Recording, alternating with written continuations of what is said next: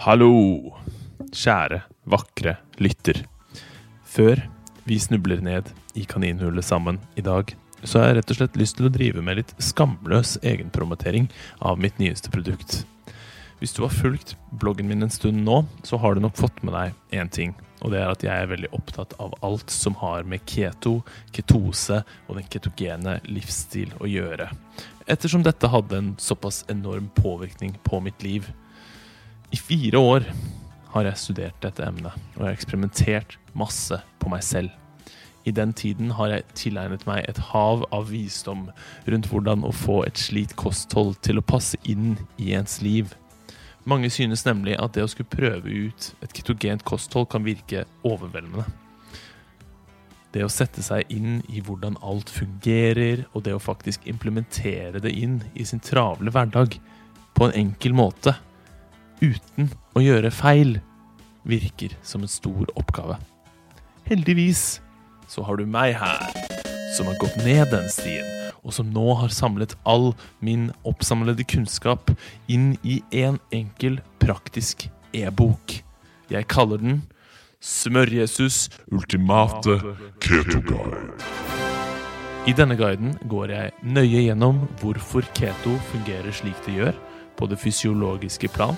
Jeg gir en tydelig oversikt over hva du kan spise, hva du ikke kan spise, hvordan du skal unngå keto-influensa, hvordan du kan måle om du er i ketose, hvordan du kan navigere deg gjennom det sosiale med denne nye livsstilsendringen din, og jeg har til og med en guide til alkohol. Yes! Du har fortsatt muligheten til å være med på en fest, selv om du velger å forbrenne fett som drivstoff. Og hvorfor er det verdt å teste ut et keto-kosthold? Vel, det å forbrenne ketoner som drivstoff øker, enkelt forklart, den metabolske aktiviteten i hver enkelt celle i kroppen din. Så det vil si at når cellene dine da jobber mer effektivt, vil kroppens evne til å helbrede seg selv øke, og du vil få en bedre helse. Dette er da ikke nødvendigvis for alle, og ditt metabolske utgangspunkt vil selvfølgelig ha noe å si, men jeg anbefaler alle å prøve det ut en gang i løpet av sitt liv for å se hvordan man responderer til det. Fordi det er så utrolig mange som får eh, så godt utbytte av det. Så hvis du er interessert, gå inn på smorjesus.no og kjøp en kopi. Jeg legger linken eh, ved denne podkasten, så det er bare å sjekke ut det. Eh, og ved å gjøre dette, så vil du også støtte det jeg holder på med, slik at jeg kan fortsette å gjøre det jeg elsker, som er å formidle kunnskap og hjelpe folk mot en mer optimal helse. Hvis du av en eller annen grunn ikke har lyst på Smør-Jesus ultimate keto guide, men du fortsatt ønsker å støtte det jeg holder på med, fordi du ja, kanskje synes det er utrolig kult, og du får en eller annen nytte eller verdi ut av det, så kan du vippse meg et ønsket beløp til 567666 Keto Syversen. Det setter jeg utrolig pris på, og det gir meg masse motivasjon til å yte mitt beste. Ok, nok prat fra meg. La oss ramle ned i kaninhullet. I dagens episode. Men psykedelika får deg til å virkelig tenke disse tankene. Mm. Og får deg til å, øh, øh, om du vil det eller ikke, steppe. Ta et steg ut fra dine mønstre. Og ut fra din, øh, ja, som jeg sa, vanlige hverdag. Reflektere på en helt annen måte om hvordan man lever livet, og hva som er verdifullt, og hva som går bra, hva som ikke er bra. Det er rett og slett en, en ekte terapi fra jorda vår. Velkommen skal de være til Smør-Jesus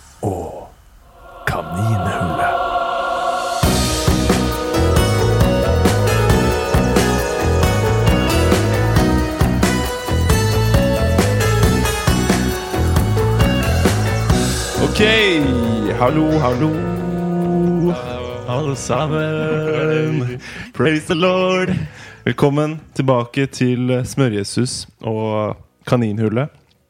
Podkasten hvor vi ja, stiller de store spørsmålene og ramler ned i uforutsette kaninhull. Kriker og kroker.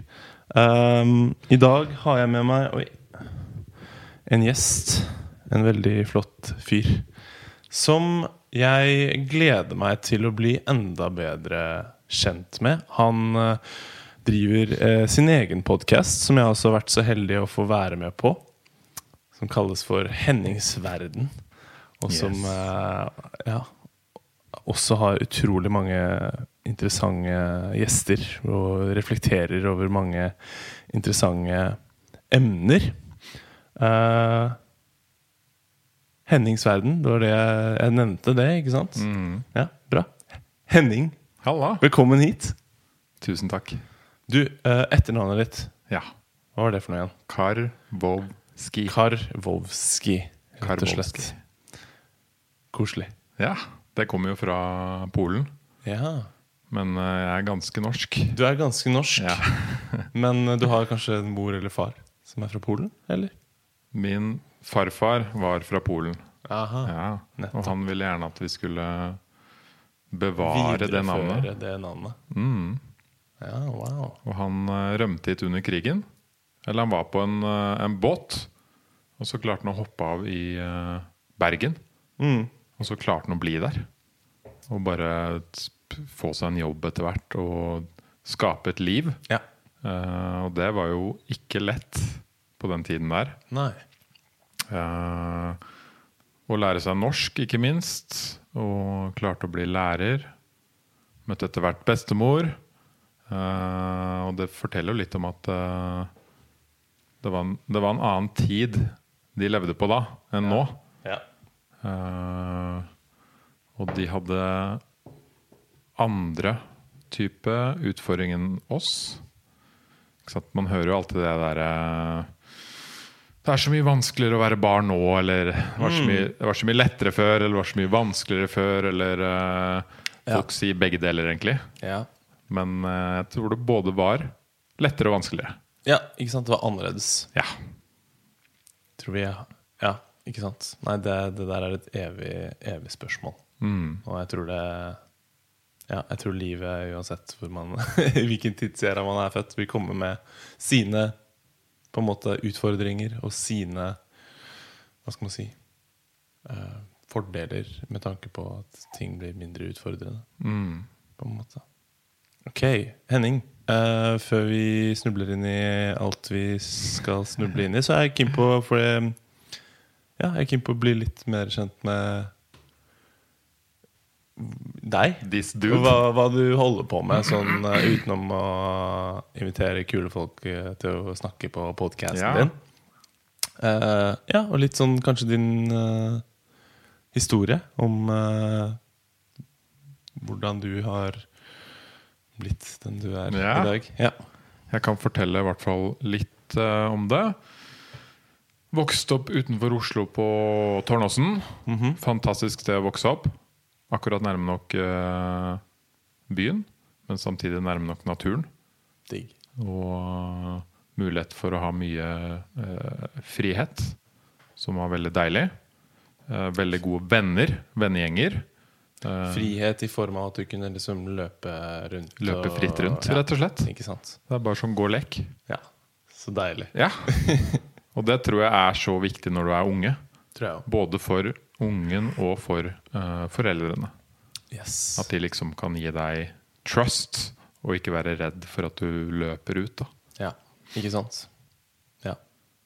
Og det også Ja. Nei, vi kan snakke om det Ja. senere. Og videre så Der gikk jeg jo på barneskole, altså barnehage, barneskole, ungdomsskole og videregående. Mm. Fantastisk uh, smooth oppvekst. Føler meg veldig heldig Ja. for å ha hatt det sånn. Ikke noen sånne store livsproblemer eller noen veldig fæle ting som skjedde. Ja. Utenom at vi fant på mye dritt. Men det er jo en del av pakka når du er liten. Ja, ja. Og Kanskje spesielt når man er gutt, tror jeg. Mm. Jeg tror gutter har litt mer sånn finner på mye dritt. Ja, litt mer behov. Til å pushe grenser. Ja. Mm. Hvert fall når vi er små. På en Ja. annen måte enn jenter. da Ja. Jenter blir jo fort mer voksne i hodet når Yes. man er ung. Mm. Mens gutter må liksom leke litt og finne ut av uh, ting the hard way. ja. Så det var en, uh, en nydelig oppvekst. eh, som for så vidt har uh, skapt den personen jeg er i dag, da. Mm. Uten tvil. Uh, det at jeg ikke har med meg så mye tung bagasje. Ikke så mye sånn traumer eller veldig kjipe ting som har skjedd med meg. Uh, det har jeg prøvd å bruke til min fordel. Mm. Til å kunne hjelpe andre. Uh, og jeg har jo gjennom mine 32 år nå lært at eh, folk har hatt veldig forskjellig oppvekst. Ja. Ja. Og eh, forstått det at eh, veldig mange har hatt det kjipt, eller veldig annerledes da, enn det jeg var så heldig å ha. Og til og med nære venner som jeg på en måte trodde når vi var små, og når man ikke var så åpne, hadde det veldig bra. Mm. Egentlig hadde det kjipt hjemme. da. Eh, og eh, typisk når man hører mange eh, coacher eller sånne superfolk på YouTube, ikke sant? så er det alltid en sånn sykt kjip historie. Bare, «Ja, 'Det er derfor jeg har blitt så bra'. Ja. Men jeg har ikke helt troa på det. Du trenger ikke å ha hatt den historien Nei. for å ha det bra og hjelpe folk. Nei. Nei. Du kan faktisk uh, lære av andre folk sin smerte og bruke det for å forstå det, og bruke det igjen for å hjelpe. Ikke sant? Uh, og videre fram til uh, Og så var jeg militær et år. Ja. Uh, det perf perfect waste of time. Ja. Ja. Jeg lærte å re opp senga og litt om rutiner, Ja. som for så vidt var greit. Eh, hadde jeg ikke gjort det, så hadde jeg sikkert reist. Og det har jeg også gjort mye i livet, så Du har fått gjort det også. Ja. Så det var sånn Det var bare et år som tusla og gikk. Ja. Det var ikke så farlig. Jeg ville ikke anbefalt. Nei, så du har ikke så mye sånn f.eks. disiplinær uh, ting som du har tatt med deg fra militæret, som du har fått nytte av i senere tid, eller Det med rutiner, kanskje? Det er jo Noe. gode rutiner. Ja. Men jeg føler mer jeg har lært om det de siste fem årene enn jeg lærte i militæret. Skjønner. Ja. Av liksom å se på YouTube og høre på podcaster og ikke minst vokse og utfordre meg selv. da Mm. Men jeg har tenkt at det er mange som kunne hatt godt av det. Ikke Og det sant? så jeg også i militæret. Ja. At det kom inn folk som på en måte aldri hadde stått opp tidlig, eller aldri hadde rydda rommet, eller redd opp senga, eller gjort disse enkle tingene. ja. Uh, som vokste.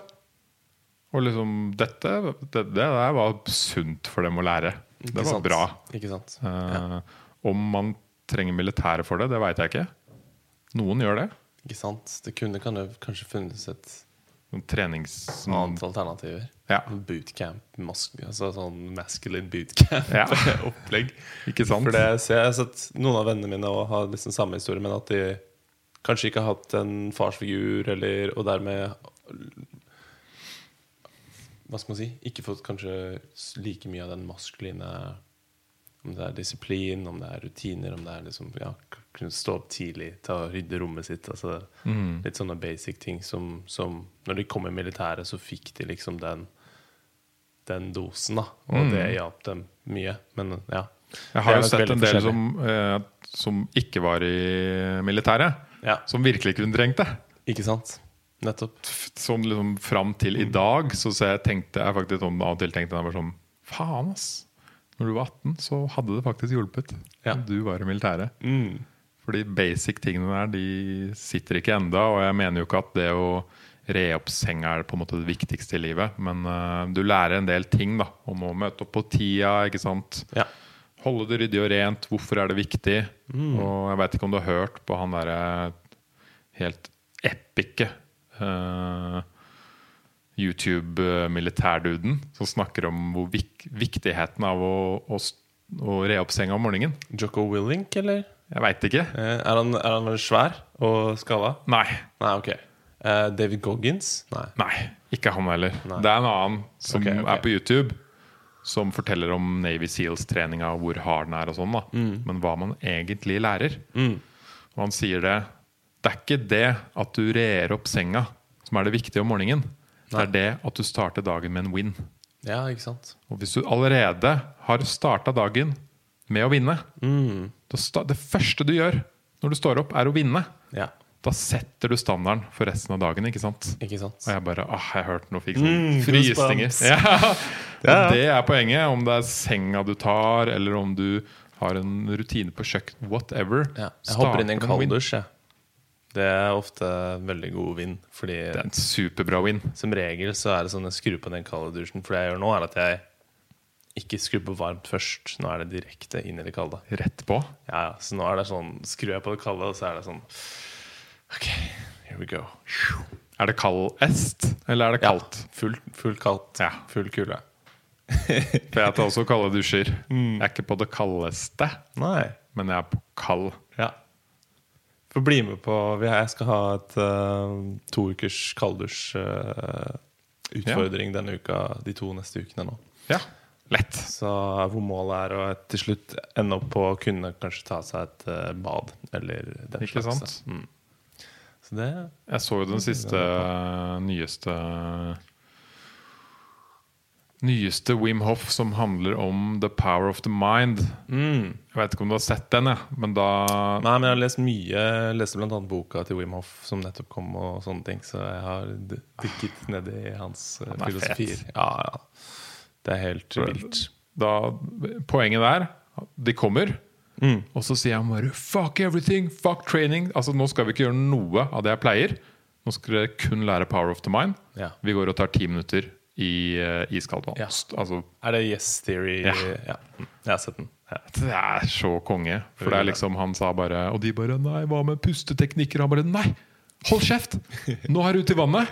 Jeg skal lære deg the power of the mind. Det er det sterkeste verktøyet som fins. Ja. Og så klarer de det, ikke sant? Ja, ja, ja. Det er helt sånn paradigmebrytende opplegg, det han på en måte har funnet ut av der.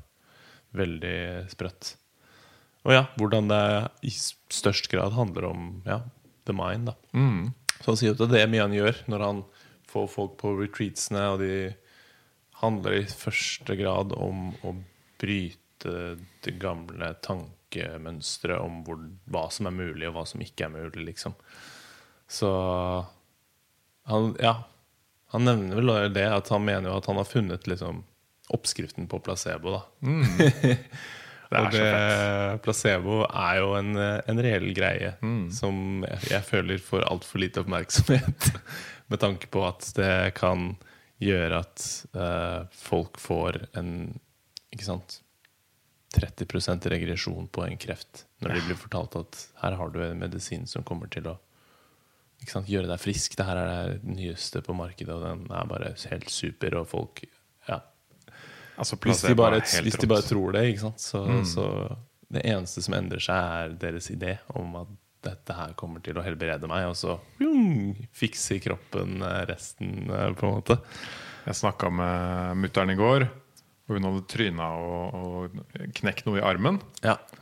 Og så har hun en kompis som også hadde bytta hofte. Og det er jo en ganske sinnssykt operasjon, ikke sant? Wow. Sånn cirka på samme dag. Mm. Uh, og dette var sikkert uh, nå to uker siden. Uh, og etter én uke så kasta han krykkene og begynte å gå igjen. Ja. Og nå trener han, liksom. Og mutter'n bare Jeg har fortsatt kjempevondt i armen, og jeg bare Ja, ikke sant? Det er noe med liksom power of your mind. Du må tro på det. Du må jobbe for det. Du må liksom tenke deg frisk. Og så selvfølgelig, ikke sant uh, Spis sunt og gjør den pakka rundt. Ja. Uh, men det å virkelig tenke og fokusere på at du blir frisk, sånn som også Wim Hof lærer deg, da setter du kroppen i en annen state. ikke sant? Ja. I en sånn derre eh, region-modus, hvor du sender signaler til kroppen bare nå. Begynne å helbrede deg selv. Ikke sant? Det er helt vilt. Mm. Nei, jeg digger det. Og, Og det er Jeg Jeg alltid Dama sier det òg. Bare sånn Du tror så sykt på placebo. Uh, Ja. Og jeg bare Ja.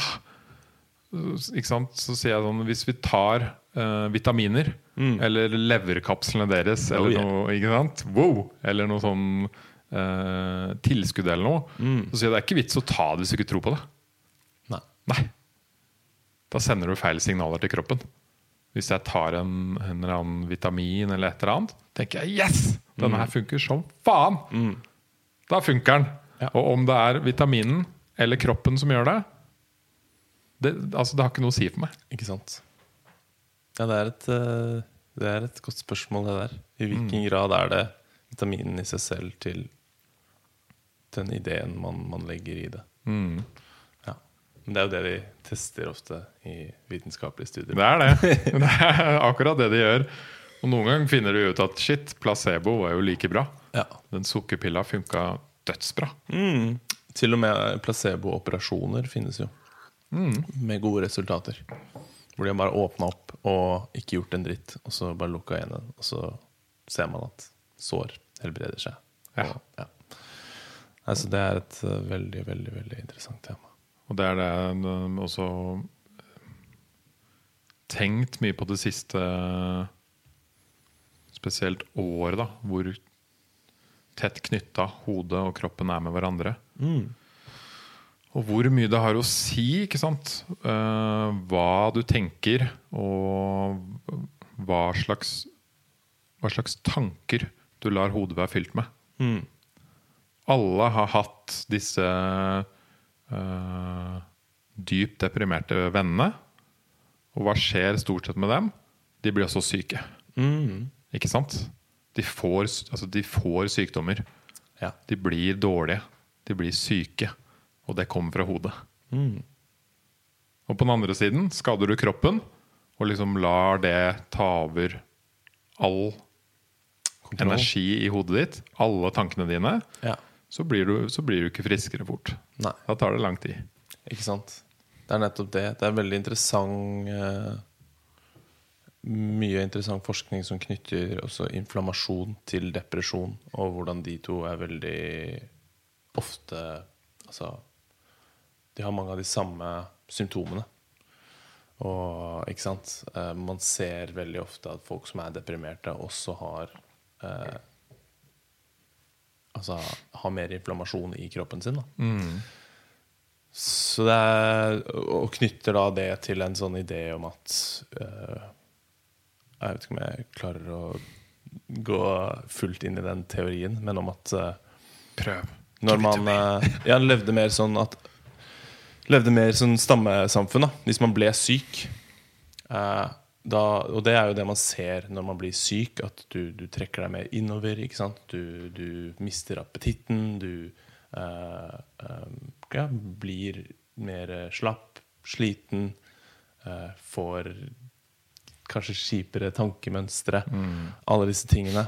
eh, for å trekke deg Altså Sånn at du ikke skal smitte de andre. Det er grunnen til at man trekker seg litt mer bort. ikke sant? Ikke har lyst til å være med så mye folk. Og selvfølgelig feber, alle disse tingene som skjer for å uh, ta knekken på sykdommen eller, eller hva enn det måtte være. Og OK, skal vi se om jeg får til dette her, da. um, Det er morning. det er morning. Jeg henger med. Ja. Um, stress og inflammasjon er også en, en greie. Um, så når man Når er det man ville oppleve stress i hunter-gatherer-tid? Det var som regel når det var en ganske stor fare til stede. Kom en Kom en- tiger eller en? Hoppende ut av busken eller eller, eh, Ja. Da blir du stressa. Eh, Da fyrer stressystemet ditt i gang. Og det denne teorien her foreslår, er jo at uh, stress var som regel veldig knyttet til skade. Mm.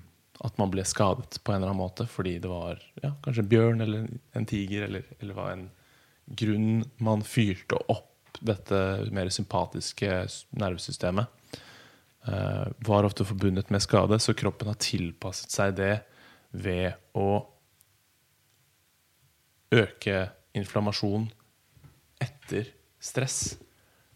Fordi den Altså, når man skader seg Før også, hvis jeg fikk et kutt eller ikke sant, slo meg eller fikk et, ble bitt av en bjørn Så var det jo infeksjonen var veldig høy sannsynlighet for å dø av liksom det, fordi man ikke hadde sanitation. Så derfor øker kroppen da mer sånn inflammatoriske Inflammasjon er jo en, en, en prosess kroppen fyrer i gang for å Altså det er jo immunsystemet som, som settes i verks for å eh, nøyt, altså drepe patogener og, og bakterier, viruser, den slags. Så det er liksom føre var at når vi stress er mest sannsynlig lik en skade, så vi øker inflammasjon. Inflammasjon ser man da har veldig sterkt knyttet til depresjon. Ja. Så For det er ikke det du da sier Altså øh, Hvis jeg skal forstå det i mitt hode ja. Kroppen vår har ikke utvikla seg så sykt mye siden vi var hunter-gatherers. Eller hjernen vår. Eh, og det er fortsatt samme kropp. Mm. Så de sier jo det. Hadde du tatt en person som var hunter-gatherer Mm. mange mange tusen år siden, og putta den hit i dag, så hadde den sannsynligvis klart seg. Fordi det er samme kropp og hode. Det hadde vært confusing, men de hadde fort klart å komme inn i det. Men på den tiden, hvis jeg forstår det riktig, så var da eh, Stress var ikke noe du hadde så ofte, men det kom når det var stor krise. Og da hadde det en god effekt. Mm. Yes. Da var det viktig. Ja, veldig viktig. Ikke sant? Yes. Så hvis du ble skada da, så jobba kroppen din med å reparere det. ikke sant? Ja. Men i dag så er vi stressa hele tiden Mm. og løper rundt med høy inflammasjon ja. hele tiden. Yes. Og det blir man da deprimert av. av. Ja. Ja. Så depresjon er på en måte en Det var noe som eh, spilte en rolle, eller sånn Ja.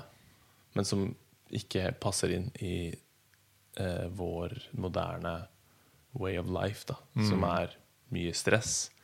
Og da er det jo ikke bare stress som i på en måte Det er jo emo og emosjonelt stress er jo Jeg tror folk er veldig emosjonelt stressa òg. ikke sant? Og, og dette å skulle gjøre så mye i denne mm, travle hverdagen vår skaper jo mye indre stress. Men også, ikke sant uh, Environmental, altså miljømessige faktorer. Bare luften vi puster inn, men òg liksom de tingene vi spiser. I- at vi sitter på en pult ikke sant, åtte timer dagen, ikke får beveget kroppen vår. uh, ikke får sol på kroppen vår. Alle disse tingene som, som skaper stress da, i kroppen. Skaper inflammasjon, og som da kan føre med seg depresjon. Wow. Ja, det Vi Ja, ja, men- ja, men det er veldig interessant. ja. Og så ser du jo det at når man da stress, Det går en veldig ond sirkel, da. ja. har jeg sett på, på folk som Man stresser mye, og så blir man kanskje deprimert. Du, fordi du føler du mister kontroll ja. på tankene dine og det som skjer i livet når du stresser mye. ikke sant? Og så er du mye sliten, og så trekker du deg tilbake. ja. Og noe av det viktigste i livet er jo å ha gode, tette relasjoner med mennesker. Det har de forska på i mange, mange uh, generasjoner av mennesker. Uh, og så i tillegg da kommer jo den siste biten, da, som eh, i hvert fall jeg har sett blant de vennene som har vært deprimert, er at du også begynner å spise dårlig. Så det går en sånn skikkelig dårlig sirkel. ikke sant? Ja. Stressa, deprimert, beveger deg mindre, er mer alene, spiser dårligere. Ja. Og så bare blir det liksom Den sirkelen går rundt og rundt og rundt. Kaste litt eh, weed inn i det bildet der også, så Ja. Weed kan brukes bra, og weed kan Ja. brukes dårlig. Absolutt. Ja. Absolutt. Så Men um, Hva var det jeg skulle si nå? skulle si noe kjempesmart, tror jeg. Det tror jeg. Utrolig smart, men Ja. uh, det gikk forbi meg. Det var god decaf-kaffe, forresten. Ja, takk for det. Mm.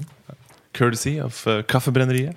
Og kaffe er jo en sånn ting du kan bli stressa av. Oh yes. Yes. Det er noe jeg virkelig kjenner på i disse tider. Mm. Blitt veldig sensitiv til uh, koffein. Ja, veldig, jeg òg. Og Det fant jeg ut i DNA-testen jeg tok òg. ja, Bare sånn, Jeg har alltid vært litt skjelven og blir nesten litt sånn småsvett når jeg drikker for mye kaffe. mm.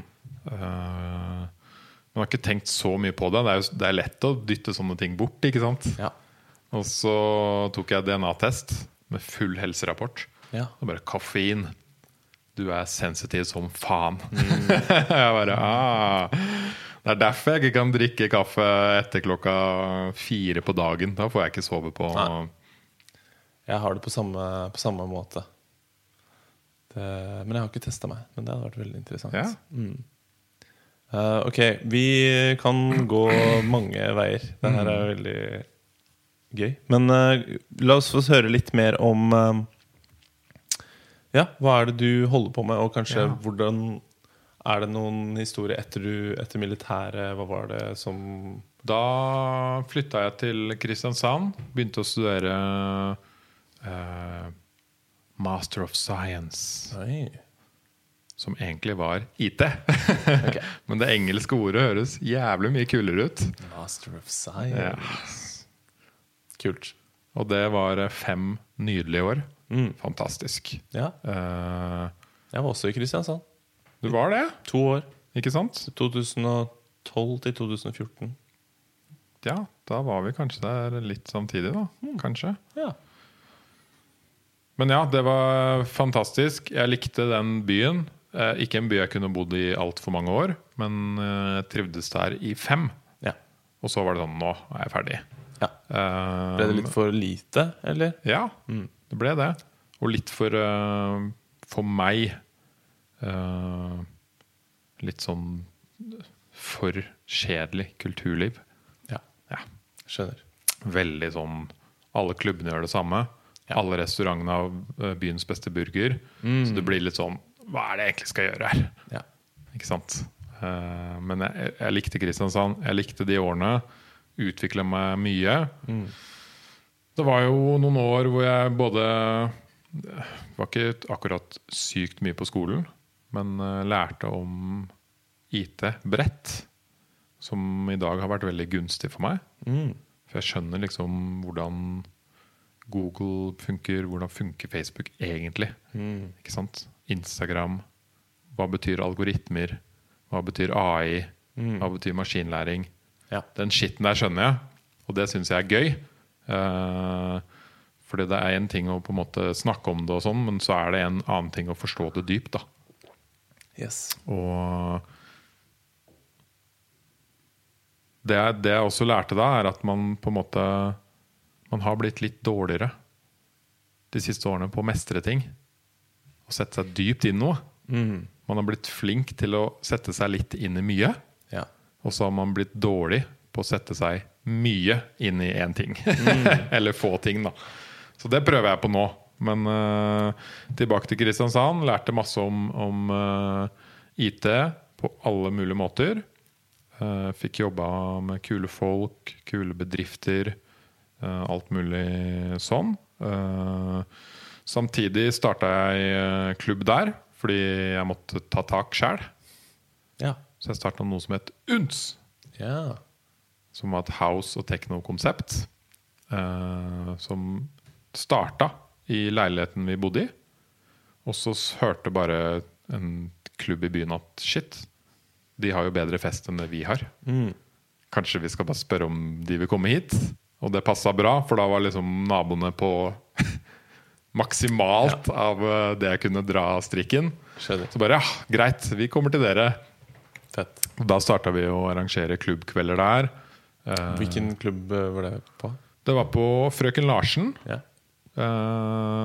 Så det var jo sånn retro-kafé slash klubb-stil. Som passa egentlig veldig fint. Mm. Og veldig hyggelige folk. Og så etter hvert Og byens beste burger? Ja, det har blitt nå. Før var det nice. Ja. Og så bare tok noen andre over og bare Nå har vi også byens beste burger! Kom hit og smak! Ja. Uh, så det var uh, på siden av studiene en veldig givende hobby. Jeg fikk både liksom booka uh, største delen av de gode house- og teknoartistene i Norge dit. Mm. Bli, bli kjent med dem. Og så begynte jeg da Jeg var jo student, vi hadde ikke mye penger og budsjett. Så det vi gjorde, var jo å komme hit en helg, eh, bo hos meg. Så blir vi kjent, og så lager vi masse digg mat sammen. Og så tar vi en fest. Og det var jo helt konge. Fordi stort sett DJs det blir jo booka, bo på det hotellet. Vi møtes på en middag på en restaurant, og så spiller vi, og så, det, så blir man ikke kjent, ikke sant. Så det var veldig hyggelig. da Jeg ble veldig godt kjent med Oslos uh, Oslo og Norges klubbmiljø på den måten. Veldig kult. Og så, boom, fem år gikk.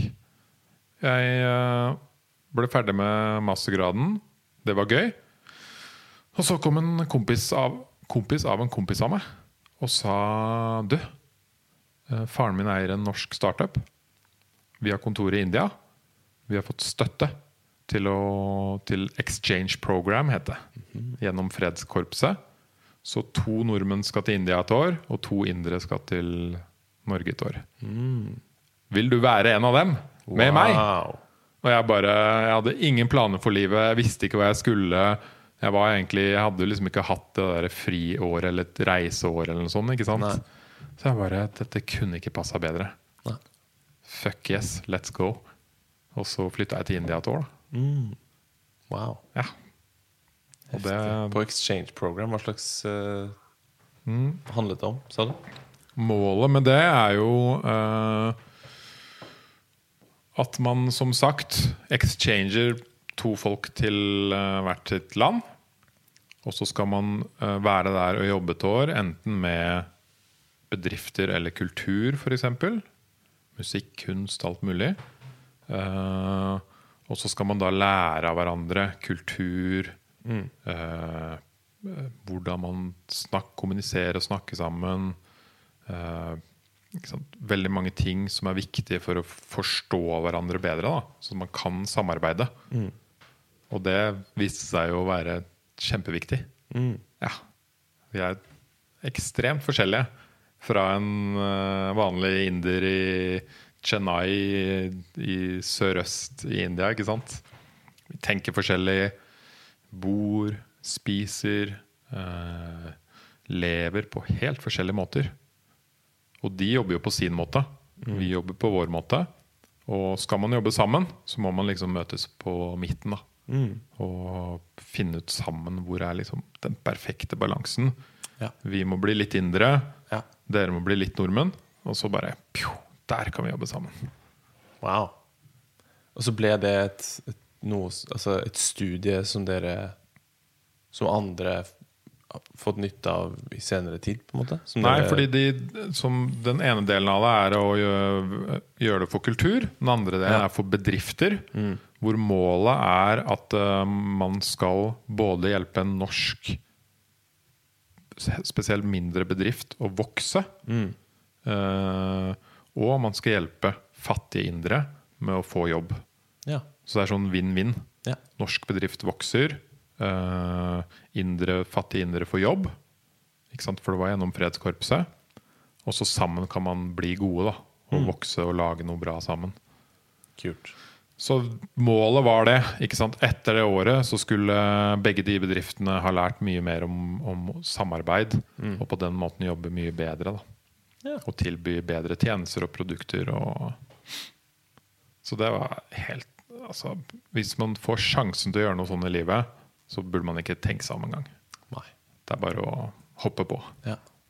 Da dro du helt alene, da? Og Nei, det var jo med, en annen kompisen. nordmann. Ja. Mm. Så det var jo også kjempegøy. Han er verdens hyggeligste person, Mm. Thomas. Og han er Vi vokste veldig mye sammen nå, som Mm. venner. Og var veldig forskjellige folk. Ja. Ekstremt forskjellige. Og det syns jo jeg bare er superfascinerende. Og det gjør det hele enda mer morsomt, ikke sant? Ja. ja, ja, ja. Det er veldig fint å ha kontraster, eh, på en måte. Mm. Lære mye av sånne folk som Ja. er eh, annerledes enn en selv. Og ikke minst det, i det hele tatt å bo et sånt sted som India et år er helt utrolig givende for livet. Mm. Et sånt helt totalt annen verden. For du kommer tilbake med et nytt syn på uh, ikke sant, hva det betyr å være menneske, hvordan, hvordan vi faktisk lever her i Norge. Da. Mm. Hvor sykt heldige vi er med å leve her i Norge. Ja. Ja. Det er så mange triste ting i India som sitter med meg den dag i dag. ikke sant? Det var liksom alt fra at eh, Ja, nå var han ene på jobben blitt syk. Det hadde skjedd noe med beina hans. Tre uker etterpå var han død. ja. Jeg bare Hæ? Bare nei, han Det skjer jo bare av og til i India. Ikke sant? Og folk plutselig var forsvunnet eller slutta, eller ikke sant? Blir folk syke der, så er det en helt annen pakke enn her. ja. Eh, hvordan folk lever. Var med, de gutta jobba med hjem. De var fem stykker. Det var bare et tak. Så sov de på bakken. ja. Ja. Og de var de gladeste menneskene jeg har hengt med i hele mitt liv. ikke sant? ja. De bare smilte hver dag på jobb. Og vi kom jo med den norske kulturen hvor vi skal prøve å finne litt problemer og utfordringer. Og det var jo sånn de første månedene. Ah, det er fort så varmt. Eh, det er ikke bra nok internett. Eh, skjermen er ikke bra nok. eh, maten er ikke vi vant til. Eh, ikke sant? Finne på alle de der først. For først er man der Ja. med sin liksom sitt norske lag utapå. Ja. Sakte, men sikkert så ser du at faen, jeg kan ikke gå rundt og klage over de tinga her. Det blir feil. Ja. Jeg må lære av dem. Og det gjorde jeg absolutt, da.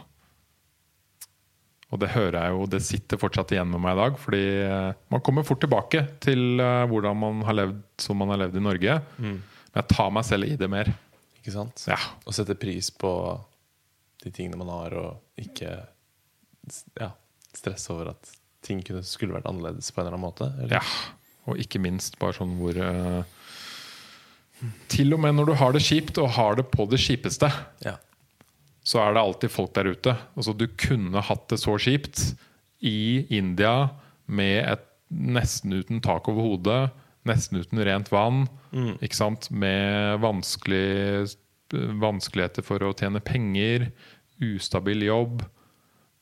Ikke sant? Alt det kunne vært oppå det du har med allerede har det kjipt. Ja.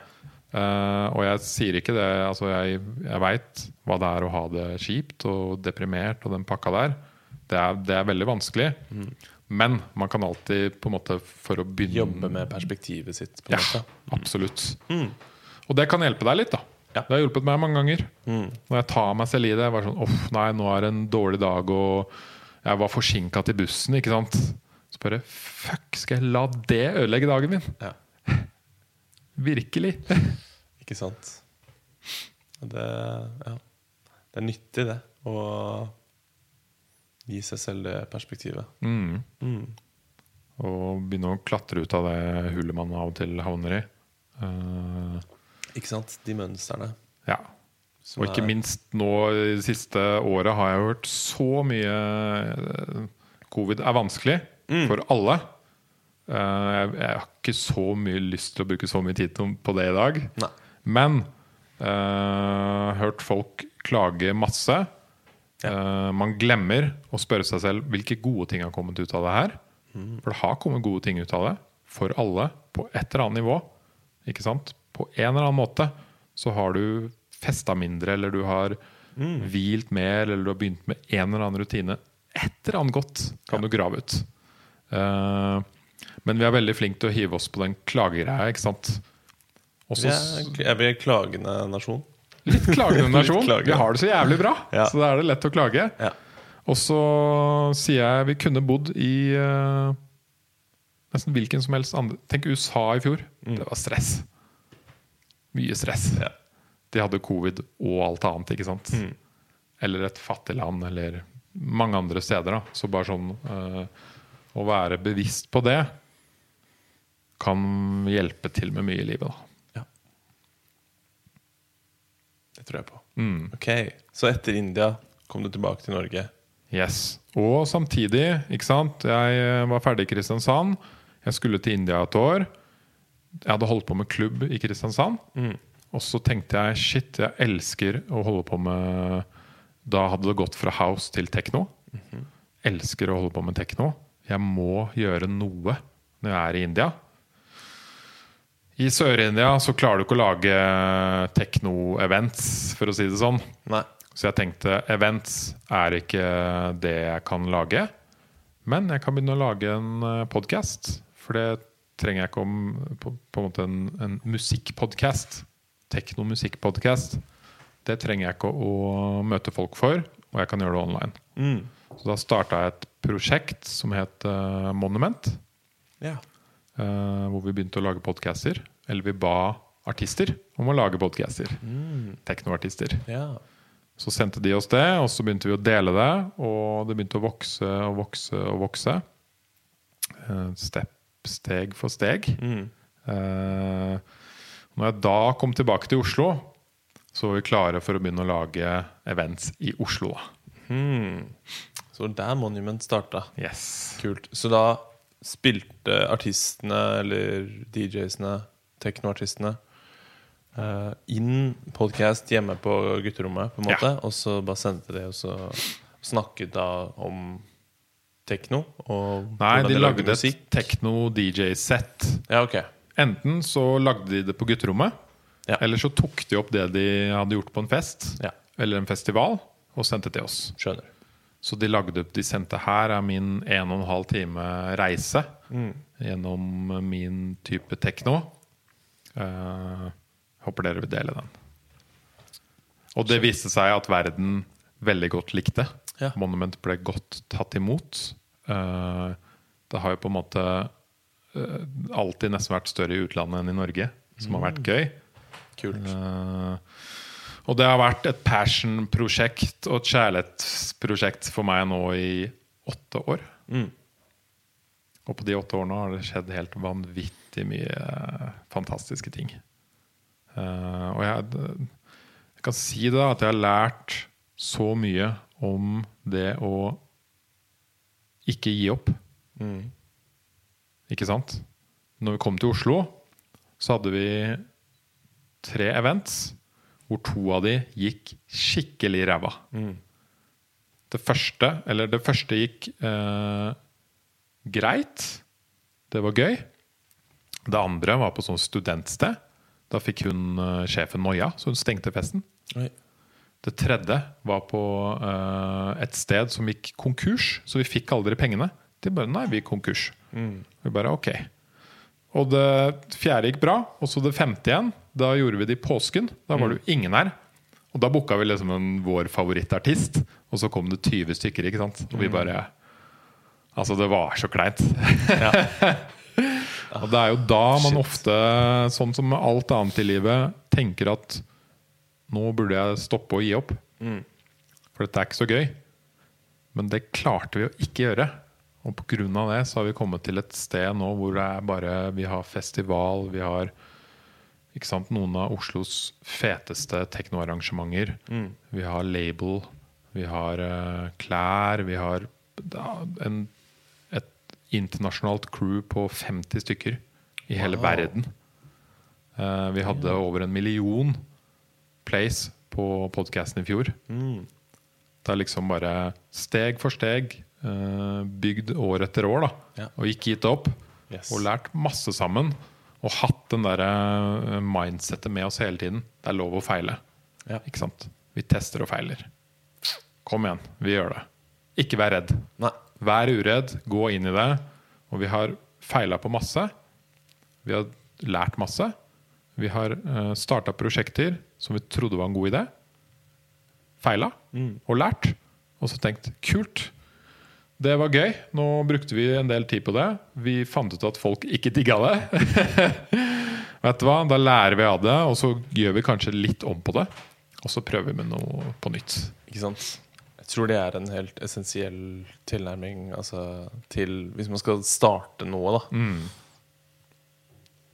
den reisen er liksom Du vet egentlig ikke hva det kommer til å bli, føler jeg ofte. I hvert fall når man har en, en Om det er en startup-idé eller bare Du hadde et monument som på en måte Ja. Men at man prøver Ja. og lufter og bare Ok, er, hvordan er det dette her treffer? Og så må man Må man anerkjenne at det vil komme Du vil feile, på en måte. Mm. Og du vil sikkert feile masse. Eh, Men det er en del av prosessen. ja. At eh, den feilingen er liksom helt en nøkkel, egentlig, for å komme seg til en suksess. Og du kan på en måte ikke eh, Ja. Kan ikke komme deg dit uten å feile i det hele tatt.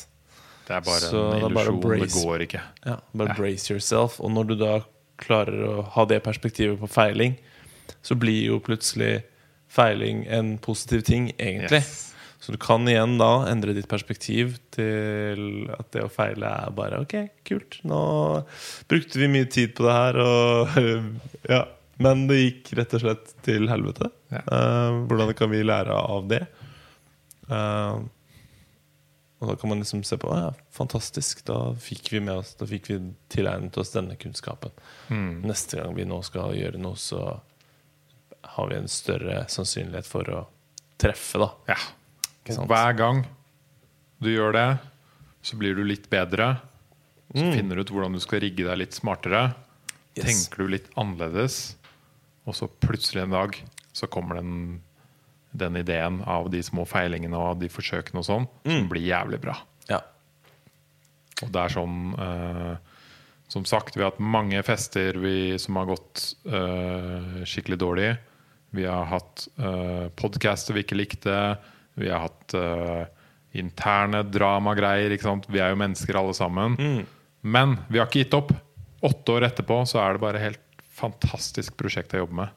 Kult. Og det er liksom en lidenskap og kjærlighet. Og nå i dag Sånn Før covid så var det sånn at jeg kunne reise nesten til alle land jeg har lyst til å reise til, og møte noen som er tilknyttet monument.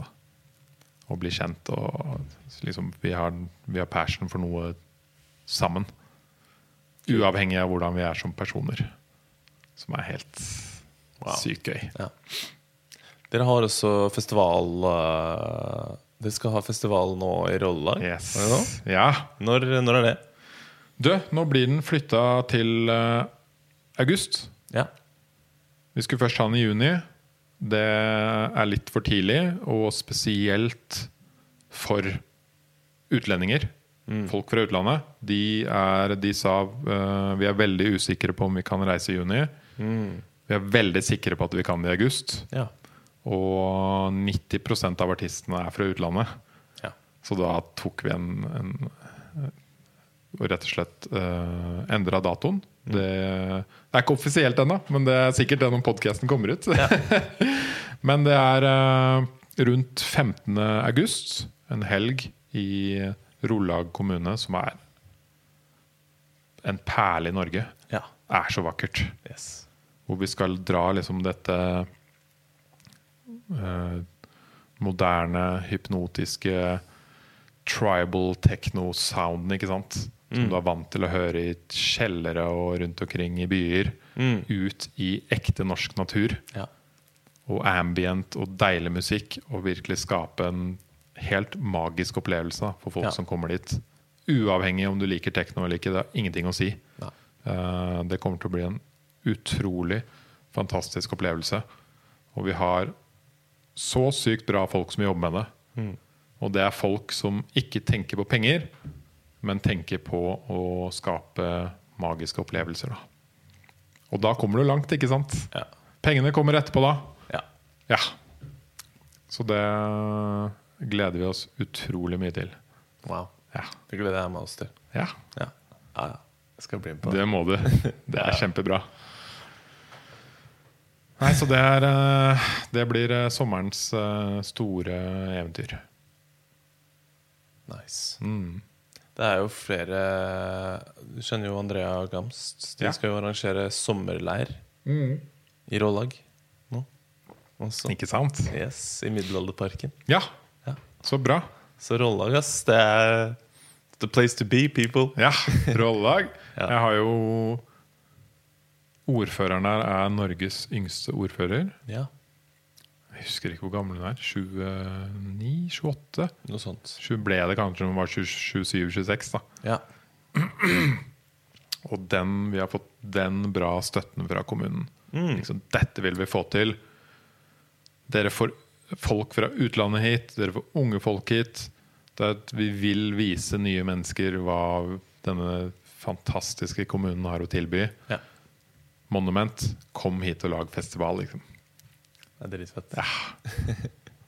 Det, det gleder jeg meg veldig til. Ja. Spesielt etter det året som har gått nå. Yes. Det Ja, det Det er lenge siden det har vært eh, på en måte noe sånn. Altså Mm. store felles eh, arrangementer. Mm. Så det, det blir eh, interessant å kjenne på igjen. Utendørs, telt, Mm. Digg, forhåpentligvis økologisk mat. Vi gjør alt vi kan for å ha så grønn profil som mulig. Ja. Ikke sant? Uh, uh, så det Ja, det kommer til å bli helt rått. ja. Det er mye lokalt uh, lokal matproduksjon i det området der også. Yes. Så det er jo veldig Skal opp dit nå i helgen. Neste Ja. helg. Og hilse på bønder og lokalprodusenter og Kos. se om vi får til noe samarbeid. Skal du Nei, Bastian har kanskje ikke noe plass å sove? Eller eh, Nei, vi sover på den gården vi skal ha festival på. Helena og Ja, Og Kittil. Kittil? Nydelige mennesker. Ja. Eh, men vi kommer til å sikkert møte Bastian og ja. folket der. Bastian er, eh, for alles informasjon, en god venn av meg som har flytta til Rollag. Og ja Veldig, veldig fin, fint sted. Ok. Ja. Så nå driver du med Monument. Og siden du kom hjem, så har det vært et eh, passion-prosjekt. Mhm. Hva er det som eh, Hva annet er det i, eh, I den i livet ditt? Hva er det du Jeg starta jo Jeg jobber også med IT. Ja. Så jeg hjelper bedrifter som uh, Vips f.eks. å utvikle seg. Uh, som konsulent, da? som en slags type konsulent. Ja. Klarer det er ikke lett å forklare rollen min, men uh, jeg hjelper IT-bedrifter med å både forstå deres behov, Mm. og hvordan de kan uh, få til å oppnå sine ambisjoner. Så det er jo der penga kommer fra, foreløpig, da. Mm. Eh, og det er kjempegøy. eh, for da får man på en måte OK, the serious business life. Monument, kultur, kjærlighet, mennesker jeg elsker. Mm. Og podkasten. Yes. Og man kan lære av alle disse tingene og knytte de på en eller annen måte sammen. Mm. Og det lærte min mentor meg. At du kommer til å få så mye godt ut av å ha litt sånn variasjon i det man holder på med i livet. For du kan, jeg, kan, jeg kan prøve å forklare det på en enkel måte. F.eks. For eksempel på jobben så kan man lære seg sånne ting som å eh, eh, Sånne enkle ting som å sette opp møter, hvordan teknologien funker, hvordan lage kontrakter. Mm. Hvordan få til eh, businessmøter, sånne type ting. Mm. I Monument kan jeg lære mye om hvordan uh, være leder. Hvordan drive noe ut av passion og kjærlighet, lidenskap. ikke sant? Men jeg må gjøre det på også en seriøs måte. Ellers så funker det ikke. Og i podkasten kan jeg møte helt sinnssykt fete folk, sånn som deg. Mm. Og bare selv vokse som person. da så man kan liksom blande forskjellige typer eh, skills og passion-prosjekter og uh, folk du kjenner i livet, for å bli sterkere og smartere og ultimat Altså det ultimate å være et bedre menneske. Da. Ja. Ja, Podkast er en, eh, en god greie. Ja. Det å bare ha en, en unnskyldning til å reach out til utrolig spennende folk og bare spørre om de har lyst til å ta, ta en prat. Helt konge. Det Hvor mange podcaster er det du har spilt inn eh, nå? Jeg har vel delt 41 eller noe. 42. Ja. Og så har jeg sikkert spilt inn fem-seks til. ja. Ja. Ikke sant? Så det har vært helt Som du sier, det er den perfekte unnskyldningen for å møte fantastiske folk. Ja. Det er den perfekte, en, en perfekt og god måte å dele kunnskap på. Yes. Og få ut historier fra folk som kanskje man ellers aldri ville hørt om. Mm. Ikke sant? Jeg har møtt folk nå som Fordi jeg, jeg spør jo folk rundt meg Har du noen tips. Ja, han der? Nå fikk jeg meldinga her om dagen. Han der driver med kryptokunst. Og jeg bare What the fuck? Fett. Er, ok, Ja. det må jeg lære mer om. it. What the hell is that? Ikke sant? Ja. Og sånn som du som snakka om keto, eller folk Mm. som har vært på utrolig eventyr, eller har blitt Sånne så det er pol polfarer ja. det Børge Osland. Børge Osland. Ah, jeg får frysninger av å bare tenke på hva sånne folk har klart. Da. Ja, Eh, ikke sant? Og de fleste, og det her må man ikke undervurdere i livet Og det trenger ikke å være podkast. Det har jeg lært. De fleste folk, om de er toppidrettsutøvere, kjendiser, businessfolk, forfattere, eh, mateksperter, whatever, som du ser på som kanskje et ikon eller en helt eller en, en, noen som kan lære deg noe, de fleste sier ja til en kaffe eller en lunsj. Hvis man tør å spørre. Ikke Så husk det, Ja, alle sammen. Det er det jeg begynner å merke selv òg. Største tips til folk. Bare sånn, vet du hva? Bare ring og spør om at du, jeg har lyst til å spandere en lunsj på deg. Ja. Jeg digger deg. Jeg vil bare please eh, Jeg vil bare sitte med deg en time og liksom snakke. Mm. De fleste sier ja. ja. Ikke sant? Det er uh, mm, Husk det, folkens. Ja. Og som Du- sier, en podkast, det er eh, Jeg syns det er en fin, uh, fin måte for min del som Ja, som du sier, da, det å formidle kunnskap på også. Det å høre to folk diskutere et tema, ikke sant, og, og fylle hverandre og stille spørsmål og ikke sant, være krit, kanskje være kritiske, finne andre perspektiver. Kontra, sånn for min del, som på Instagram og skrive blogginnlegg hvor det er mer sånn enveiskommunikasjon. At jeg liksom Her har du Her har du svaret! Ikke, ikke, jeg prøver jo veldig godt å ikke preache, på en måte, men Men eh, det å høre to folk snakke om, eh, om et subjekt eh, i stedet for, tror jeg er veldig sånn, lettere for folk å henge seg på. Og så kan man gå dypt. Ja. Man kan gå, som du sa før vi starta i dag Henning, jeg veit ikke helt hva vi skal snakke om, men eh, jeg veit det bare Vi, vi finner veien. Ja. Og det er helt konge. Og jeg har til og med tatt gode venner jeg har vokst opp med, Mm. som har vært på besøk. Og så har jeg sagt sånn Du, nå går vi og snakker to timer eh, sånn her.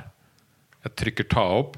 Poenget med det er ikke at jeg skal dele det som en podkast, men det skjer noe med dynamikken mellom to folk når de setter seg sånn her og snakker og liksom ikke ser på TV eller ikke, ikke liksom sitter på en kafé eller Ikke sant? Du er litt mer på, Ja. konsentrert.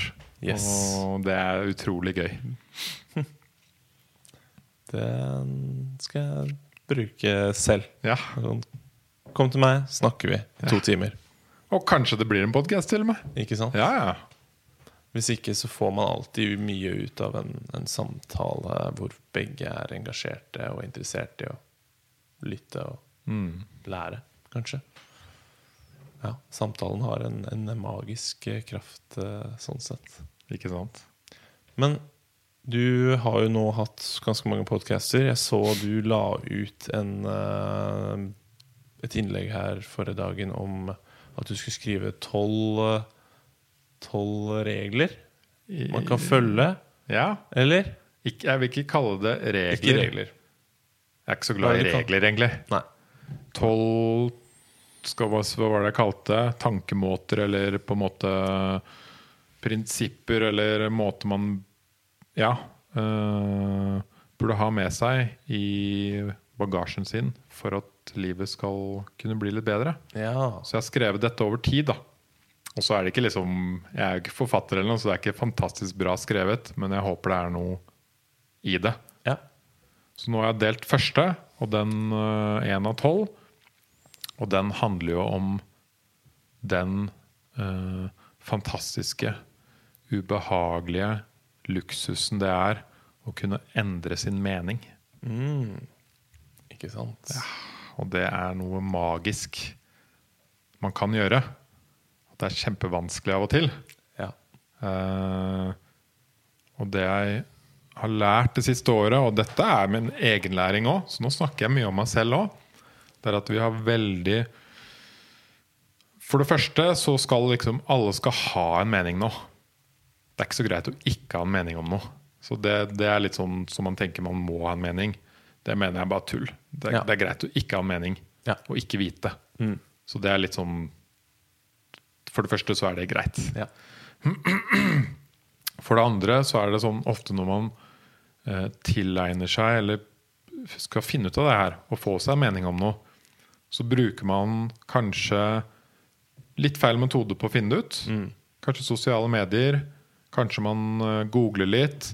Men man graver seg på en måte egentlig ikke dypt nok inn i det til å tilegne seg en mening. da.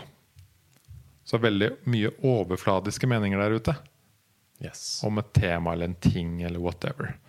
Man har kanskje sett på én YouTube-video, ikke sant? og så tenker man sånn er det. Det er min mening. Uh, og, hva, og det som skjer etter det igjen, det er at man står fast med, med den meningen. Denne meningen er min. Jeg er stolt av den. Jeg har, dette har jeg undersøkt, og den skal ikke endres. Ikke sant? Men det å tillate seg selv å kunne endre sin mening, det er så evig mye mer verdt da, Ja. enn å ikke tillate seg å kunne endre mening. Og det å innrømme for seg selv av og til at man har feil, eller ikke vet alt, det er sykt mye mer givende ja. enn å tro at man vet alt. Og tro at den ene meningen du har, er den fullstendige sannheten. Da. Det setter deg på en måte fast, føler jeg ofte.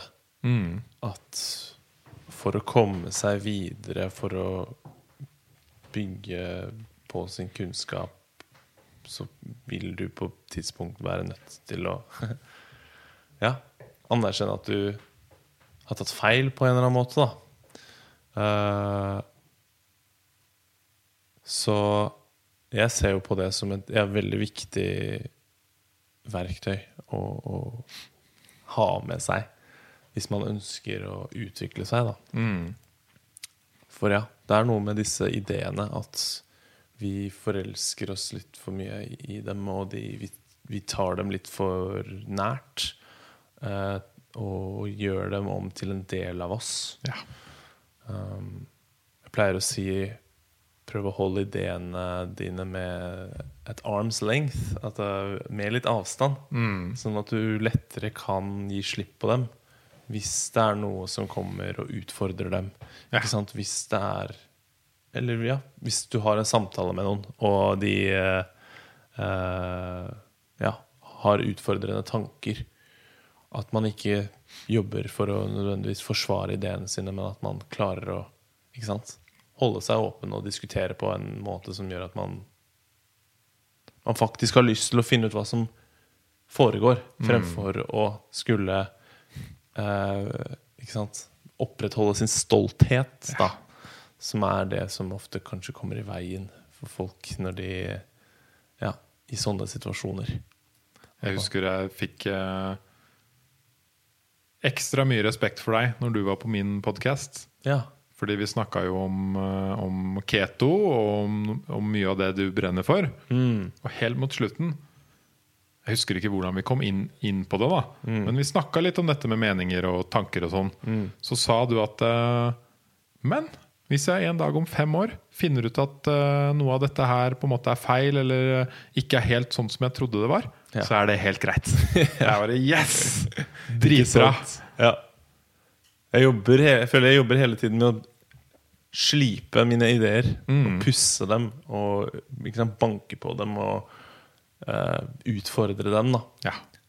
Uh, Så det er litt sånn, sånn, som jeg, sånn som det er nå. Fortsatt med keto, f.eks. At uh, jeg har banka mye løs på, på de ideene. Og den, den, den holder sterkt, da.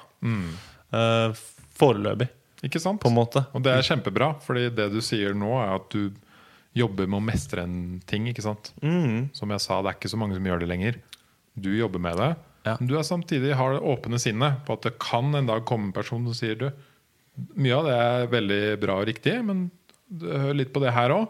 Så Mm. etter hvert kan man Oi, vi combiner den shitten sammen. Ja, ikke sant? Og det å få f.eks. spørsmål, perspektiver Oi, det, det spørsmålet det har jeg ikke tenkt på før. Eller, og da for meg å finne ut av det og, og finne ut hvordan det passer inn i, i denne i mitt palass av ideer. uh, og Ja, nei, så det Det å, å, å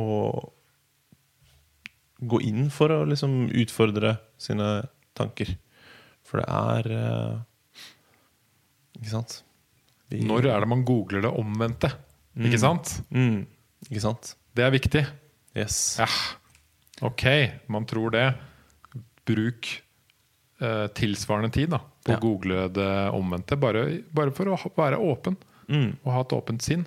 yes. Plutselig så vokser du mye mer enn det, du, det man gjorde fra før. ikke sant? Ikke sant? Så det kommer jo liksom masse innlegg om sånn? Det kom et nytt studie nå i februar hvor eh, konklusjonen var at eh, keto-kosthold økte risikoen for hjertesykdom. Mm. Det var sånn Hm, interessant. La oss ta en titt Ja. på det her, liksom. Hva, hva er det Og så også litt flere på en måte andre YouTubers, folk jeg følger, som går gjennom liksom, studiene og Ja, Ja, for, det, det, for å virkelig forstå det, da. det- Hva, er, den, er denne her eh, påstanden re, virkelig reell, eller er det noe Ja. Så det, var, det er alltid, alltid sånn interessante øyeblikk når det dukker opp sånn hm, Ok, kanskje det er, her er det noe interessant, men jeg, jeg må jo finne ut av det. Ja. Jeg har ikke noe Jeg er veldig sånn opptatt av å uh, være Å vite fremfor å på en måte bevisst ikke vite. Eller sånn gjemme meg for det. Som jeg tror også kan være en tendens hos folk. Sånn derre ja, for du kunne jo valgt å Kunne valgt se den bare- artikkelen og bare Nei, nei, dette passer ikke helt overens med min Ja, filosofi. Ja, og bare unngått unngått det, egentlig. Eh, willful blindness er det noe som eh, Et ord som er et veldig interessant ord. Eh, Etter hvert, når du trener hodet ditt til å tenke sånn, mm, så blir det givende og deilig. mm, Og ikke nødvendigvis totalt endre mening, men kanskje endre litt på den her og litt på den der, og bli litt mer åpen for de type folk og de meningene. ja. Da vokser du som person og menneske, og det, det er helt konge. ja. Du blir mer plastisk, på en måte. Altså, det vil si, jeg tror du lett, du, kommer, du utvikler deg raskere. Fordi det er lettere for deg å gi slipp på ideer som kanskje ikke var så valide. Og inkorporere nye. Og så nye, inkorporere nye, gi slipp, inkorporere nye, gi slipp. Det er på den måten jeg føler man, man eh, ja, utvikler seg. da De beste forskerne, og jeg er veldig også superfan og nerd på universet. Mm. sorte hull og black matter og dark energy og ikke sant? Så hører du noen av disse forskerne som har forska 30 år på hva dark energy er, da. Eller black matter. Og de sier sånn derre Jeg har ikke klart å bevise noen av de teoriene vi tror det er. Og hvis noen i morgen finner ut at det er totalt annerledes enn det jeg har forska på i 30 år, så er det sånn de sier sånn Jeg kunne ikke blitt mer fornøyd og glad. Nei. For da har jeg uansett lært, ikke sant? Mm. Jeg har uansett vokst masse. Jeg har prøvd, jeg har gjort mitt beste. Noen andre fant ut at det, det var det her isteden. Men for, for de aller, aller beste forskerne så er det på en måte inngangen. Ja. Og det er jo mange som har funnet ut noe, forska i ti år og trodd at dette er sånn det funker. Og så har det kommet noen andre som har sagt nei, Mm. det er ikke det. Og da blir ikke de sure. De blir mer fornøyde. ikke sant? Tenker 'yes! ja. Konge! Jeg tok feil. Du har faktisk riktig. Men nå veit vi sammen, begge, en, eh, en mer ekte sannhet. da Men det er ikke en given i nødvendigvis det vitenskapelige heller, absolutt for å si ikke. det Ikke det hele tatt. Det er veldig, det er veldig vanskelig å virkelig tenke vitenskapelig. Mm. Å ha den innstillingen der. Det er, det er utfordrende, liksom. Jeg vil heller man kalle det sjeldent. Veldig sjeldent, og man blir veldig Ja, det ser så mye av det at man Stoltheten da kommer i veien. Eller ens manglende evne til å innrømme at man tok feil. Ja. Og det skjønner jeg jo òg, når man har brukt halve livet sitt og fått stipendiater fra hit og pia, Så bare sånn Nei, alt, alt det jeg har sagt om dette emnet, er feil. Jeg så det var en eller annen lege som En sånn kjent lege i sånn 2016 eller noe, som hadde liksom kommet ut og Han hadde forsket på Det var mettet fett og, og Mm. hele den kolesterolgreia da, og hjertesykdom. Og på en måte innrømmet at At uh, han har tatt feil da, Ja. i mye av de tingene som han har sagt om hvordan mettet fett forårsaker sykdom. da. Og hadde vel blitt ja, Nå husker jeg ikke historien godt nok, så jeg skal ikke Det er jo da du blir en ekte helt. Nettopp. Når du går ut og bare 'Jeg tok feil!' Ja, Men jeg innrømmer det, og jeg digger den nye sannheten. ja. Da er du en helt. Det er de vi ser opp til, på Ja. en måte. Samme med Jeg så på debatten her om dagen om rusreformen. Ja. Og så var Bent Høie intervjua, eller han var, han var med på debatten. Så sa han fram til 2016 så tenkte jeg som alle dere andre, at, eh, eller alle de som er imot, at rusreformen ikke kom til å hjelpe. Men så satte jeg meg ned, og så så jeg på forskningen. Og så så jeg, så, så jeg på de som faktisk trenger hjelp. De som faktisk er rusmisbrukere. Ikke hva en politimann sier, men hva faktiske rusmisbrukere sier. De trenger hjelp. De vil ikke bli straffa. Og da endrer jeg min mening, selv om det var kjempehardt og vanskelig. ikke sant? Jeg bare Yes! Konge! Det er digg Mm. å høre folk si sånt. Yes. Så ikke heng deg for mye opp i dine ideer, eller la dem bli for kanskje integrert i din personlighet, men hold dem på litt avstand, sånn at Ja.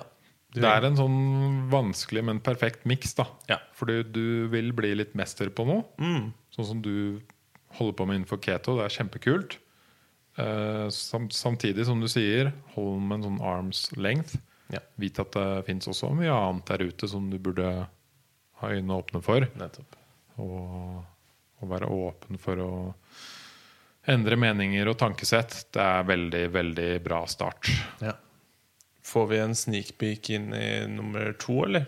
Har du skrevet den ennå? Jeg har skrevet alle tolv. Ja, du har det. Ja, ja. Mm. Men jeg husker ikke hvilken rekkefølge de står i. Har du en eh, favoritt, eller en, eh, en som stikker seg ut Hmm. nå? Som du husker kommer på? Eh, jeg veit at neste handler om penger og status. Mm. Eh, og den er henta mye ut ifra sånn stoi... Hva heter det? Stoitisme? Stoi, Ja. noe sånn? Stoicism. Stoicism, ja. ja. Uh, Stoicism. den handler Jeg kan jo ikke si dette ordrett i det hele tatt, men den handler om uh, at man må være veldig bevisst på at penger og status ikke på en måte skal uh, være hovedfokus å ta over livet ditt. Mm. For det er ekstremt lett å falle i den fella. Ja. Og man trenger penger for å overleve, det er greit. Uh, men ikke la på en måte penger og status overta ditt eget ego da, og din egen personlighet. Det handler nest om. ja. Og så står det på en mye finere måte enn det jeg klarte å si det nå, men uh, det, det er noe i den duren. Ikke sant? At det er litt kanskje noe vi blir mat... En idé vi blir matet i vår kultur om, eh, om kilden til vår salvation, eller uh, vår frelse. Mm. Vil du si deg Er det liksom noe For det, jeg, jeg, det er litt sånn jeg føler den typ, En typisk Eller en kanskje historie jeg hører mange ganger da i kulturen vår. At man går gjennom på en måte hele den skolekverna, og så Ja, nettopp. du deg, går du deg et studie, ikke sant? Du blir kanskje men du tenker, Og du tenker at For det er den derre hus, båt, Bil, bil, familie høyere stilling, Høy stilling. mer jobbing, Ikke sant? mer penger, høyere status i systemet. Ja. Det er den pakka der. På et eller annet tidspunkt i, når du liksom har nådd disse Kommet deg på toppen av den stigen, da, så vil Så vil ting liksom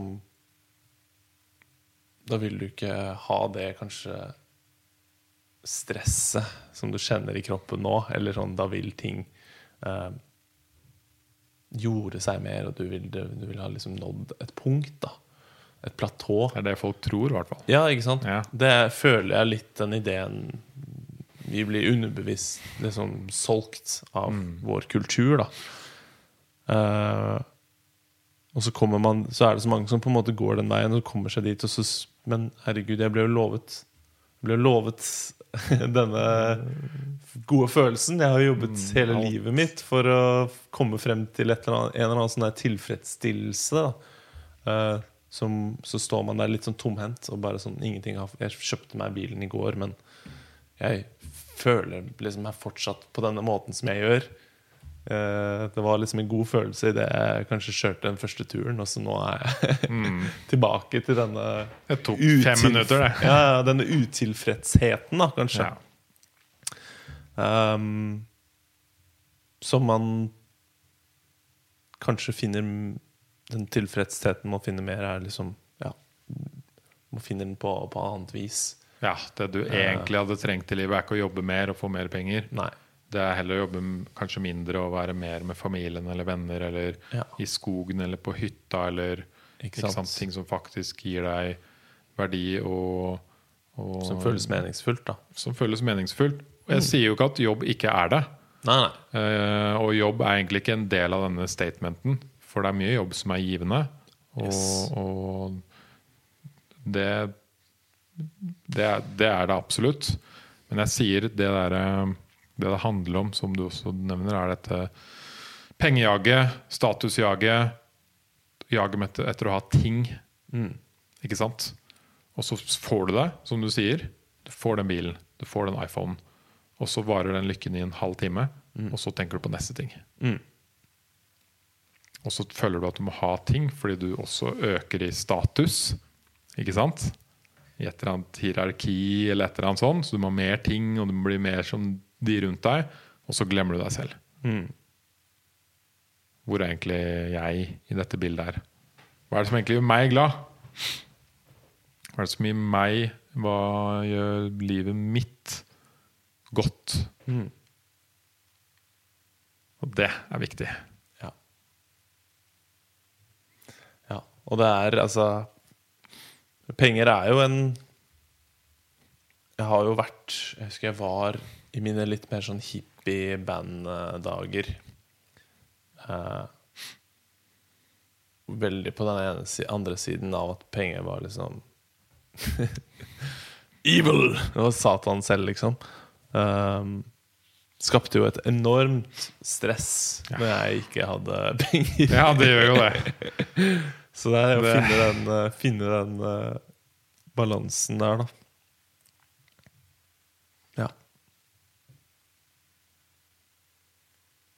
Men at det ikke er det man At man ikke jager det på bekostning av alt annet, på en Mm. måte. At det ikke er målet i seg selv, men at man ja, er en del av det. Ja, Men uh, det er en del av pakka. ja, Men jeg ser veldig mange som er lost i det. I den ideen, på en måte. hvor er egentlig personen deg inni den dressen der? Mm, Inni den pakka som går bortover der? ikke sant? Ja. Det blir litt sånn Ja, det blir en sånn Hva skal man kalle det, da? Ikke en dukk. Men en kopi av en Det er mangel på en individualitet, kanskje, Mm. man ser. Jeg skjønner hva du mener med Ja. dukke. Ja. Ja. ja.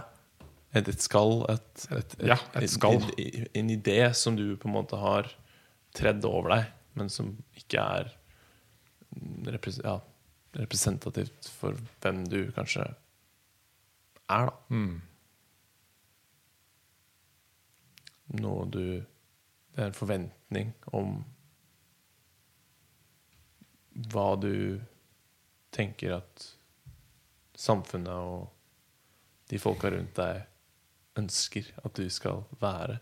Hvor tykkere skal du få rundt deg, jo vanskeligere er det å bryte ut av det. Yes. Så jo eldre du blir, og jo dypere du graver deg ned i Dette gjør ikke alle, men noen, noen gjør det, og alle gjør det på en eller annen måte. Mm. Og jo på en måte mer skall du får utapå deg, som ikke egentlig er deg og din identitet, jo vanskeligere blir det også å bli kvitt det. ikke sant? Ja. Da kan vi jo snakke litt om uh, Hvis du ikke har noe imot det. Uh, du nevnte jo rusreformen. Ja, Det er jo noe du er veldig lidenskapelig for, har jeg skjønt. Som jeg også er veldig lidenskapelig for. Uh, yes! Psykedelika Ja. og Ja, på en måte droger som, som kan ha en helbredende effekt. Um, hvordan, har ditt, hvordan var ditt måte, første møte med psykedelika, og hva føler du det har gitt livet ditt? Hvis Det- ja, ja. du har lyst til å diskutere det. Selvfølgelig. Ja. Eh, mitt første møte var vel når jeg var kanskje 20. Mm. med en venn i en sofa. To menn som eh, gråt og koste oss og klemte og smilte og lo og så ting. Og rett og slett fjerna mye av det skallet vi hadde rundt oss. Mm. Ja, rett og slett. For det var vel det, derfor jeg Yes. kom inn på det. For disse skallene. Det er en effektiv måte å skrelle noen av de på. Ekstremt. Er jo ja, en god Jeg tror det er mange måter å gjøre det på. Psykedelika er en av dem. Ja. Meditasjon. Mm. Ikke sant? Pusteøvelser. eh, ikke minst bare sånn kalde dusjer og sånne ting. Mange av de tingene der, sånn litt mer sånn primal ting som får deg til å koble av og liksom bevege deg litt ut av den vanlige hverdagen og deg sjæl, Mm. kan få deg til å begynne å tenke disse tankene. Da. Men psykedelika får deg til å virkelig tenke disse tankene. Mm. Og får deg til å, øh, øh, om du vil det eller ikke, steppe. Ta et steg ut fra dine mønstre. Og ut fra din, øh, ja, som jeg sa, vanlige hverdag. Og reflektere på en helt annen måte om hvordan man lever livet, og hva som er verdifullt, og hva som går bra, hva som ikke er bra. Det er rett og slett en, en ekte terapi fra jorda vår. Mm. Og nå snakker jeg kanskje spesielt om sopp, da, for den kan man faktisk gå og plukke fra jorda. Mm. Og den fungerer utrolig bra terapeutisk. Så det er liksom sånn Ja. Det er terapi som kommer opp av jorden vår, som funker på oss mennesker.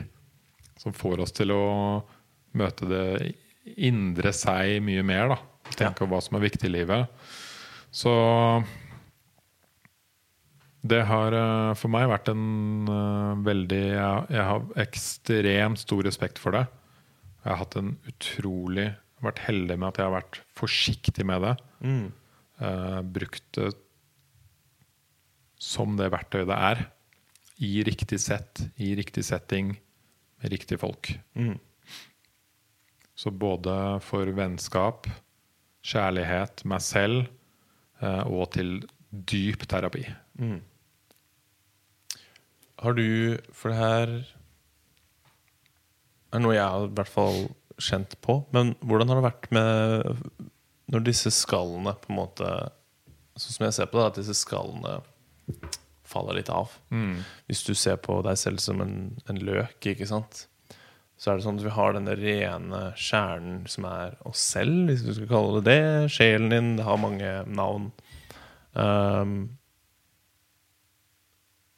men så vokser vi opp i en verden I hvert fall en verden vi lever i, som er Jeg vil si er ganske unaturlig i forhold til Hvis vi sammenligner det med der vi kommer fra, og har, hvordan vi har levd på en måte største delen av vår evolusjon. da Um, Mye stress, mye dårlig mat, mye altså Mye stimuli, mye uh, og, og vi coper med det ved å tilpasse oss. Vi er veldig tilpasningsdyktige Ja, mennesker. veldig. Men at en del av denne tilpasningen er disse skallene. Da. Vi legger på skall for å tilpasse oss den, den virkeligheten vi nå lever i. Og ved å da kanskje ta en, en psykedelisk eh, reise, får man skrelt av noen av disse skallene. Du sier du kommer nærmere det som er deg selv, og det som på en måte kanskje faktisk er viktig for en selv for å kunne leve et godt liv. Uh, men at Og det, det, det kommer jo med masse goder, ikke sant? Um, det å kunne uttrykke seg selv bedre, sånn generelt, og, og være mer i senter med seg selv, er jo eh, noe man får mye glede og nytte ut av. Men at, sånn som jeg har merket, at det blir mer sensitiv til stress, til stimuli, til mye input. Um, hva tenker du om det? Har du, hva er din opplevelse med, med det? Altså det å bli kanskje mer i kontakt med Det indre løken. indre følelsesmessige Ja, det kan jo skje eh, veldig mye forskjellig når man tar psykedelika. Ja. Uh, og en av reisene kan jo være det du snakker om nå. Ikke sant? Å komme dypere i kontakt med følelser og bli mye mer bevisst på eh, hvilke mønstre man er i i livet. Vaner man har. Eh, hva du faktisk Det er veldig vanskelig når det går dag som i hverdagen og i livet, å se at kanskje noen av de tingene du gjør, er ting du egentlig ikke har lyst til å gjøre i det hele tatt. Mm. Det er, det er veldig vanskelig å se, faktisk. Det er, og, og det er veldig vanskelig å koble ut så dypt at du klarer å innrømme for deg selv at dette er noe du egentlig ikke liker å holde på med. ja. Eller dette er Du, var, du er egentlig en drittsekk mot dama di. Mm. Eller du er ikke nok med familien. Eller du er ikke en, en god venn mot en som trenger deg. Mm. Sånne ting er vanskelig å se for av akkurat det du sier. Vi lever i et eh, som jeg pleier å kalle et hypermoderne samfunn. Masse stimuli. Hodet vårt er fylt hele tiden. Mm. Vi er fylt med sosiale medier, med tanker, med stress, med jobb, med alt mulig. Hele tiden. Og det å skru av alt det, og tenke på disse tingene som er superviktig Man kan klare det, men psykedelika kan også hjelpe deg med det. Mm. Det har jeg lært masse om ved, å, ved å bruke psykedelika. Eh, og ut, ut av det der så kan man, eh, som han psykedeliske terapeuten min Oskar pleier å si, man har sånn ca. en måned etter man har tatt det, hvor man er ekst, og det har de målt også i hjernen, da, hvor man er ekstremt mye mer åpen og tilgjengelig for å fjerne dårlige vaner Mm. og tilegne seg gode, nye. Så du har ca. en måned på det. Og fordi hva skjer etter en måned? Du er tilbake i livet ditt, ikke sant? Ja. Det går ganske fort. Hva skjer når du kommer hjem fra ferie og begynner uh, å være tilbake i leiligheten din og med de samme folka? Du er rett tilbake i livet, ikke sant? Ja. Stort sett. Mm. Men i den ferien du har vært på, så kan det være du kommer på et par ting. For du kan også gjøre det her på ferier, ikke sant? når du er langt borte. Så plutselig har du tid og energi til å tenke på disse tingene. Du er et varmt land, du er ikke i det vanlige rytmen, ikke sant? Mm. Eller du har tatt psykedelika, og så bare Oi, det der Det liker jeg egentlig ikke at jeg gjør. Mm. Kommer du tilbake, så har du en sånn cirka en måned på deg til å jobbe med det og fikse det. Ikke sant? Ja, Integrere det, rett og slett. Absolutt. Ja, Det var veldig interessant at Mm. jeg har sett, sett det i Og de har også målt at det faktisk bryter opp mønstre i hjernen din. Ikke sant? Og det er eh, noen av de hovedtingene jeg har lært. Mm. Å bruke det som et, på en måte et verktøy for selvutvikling, og ikke minst for å bli en bedre person mot meg selv og mot alle andre. Mm. Ja. Og jeg har eh, både gjort på en måte den vanlige pakka med venner og kos, og, som er sånn på en måte terapeutisk for en vennegjeng. Men så har jeg også gjort de dype terapiene da, med en terapeut, Ja. hvor man ligger med øye, Bind. ja, øyebind. Øyelokk. Ja. Øyelokk, musikk, dyne, ja. og bare kun deg selv og dine tanker. Mm. Og da, det som er så gøy da, er at uh, du er hos en terapeut, men det er deg selv som er terapeuten. ja. Og det syns jeg er helt fantastisk. Mm. Og de historiene jeg har hørt som de har fortalt, disse terapeutene, det er sånn Man ville ikke tro det over hvordan det kan hjelpe folk. Og, og som han terapeuten min sier, han sier eh, Psykedelika Det er ikke noe sånn derre once in a lifetime, big fix, dette ordner alt. Nei. Men det åpner døra. Det åpner noen nye dører for deg. Du- kan titte ut av døra, Mm. så kan du se Å, shit. Sånn kan jeg faktisk leve. Men for å komme dit, så må du faktisk uh, jobbe litt. Du må gjøre endringer i livet etterpå. Og det er også en del av uh, det viktige da, med psykedelika. Ja. Det er ikke bare det at du har gjort det, men tiden etterpå, før og etterpå, som er kjempeviktig. Mm.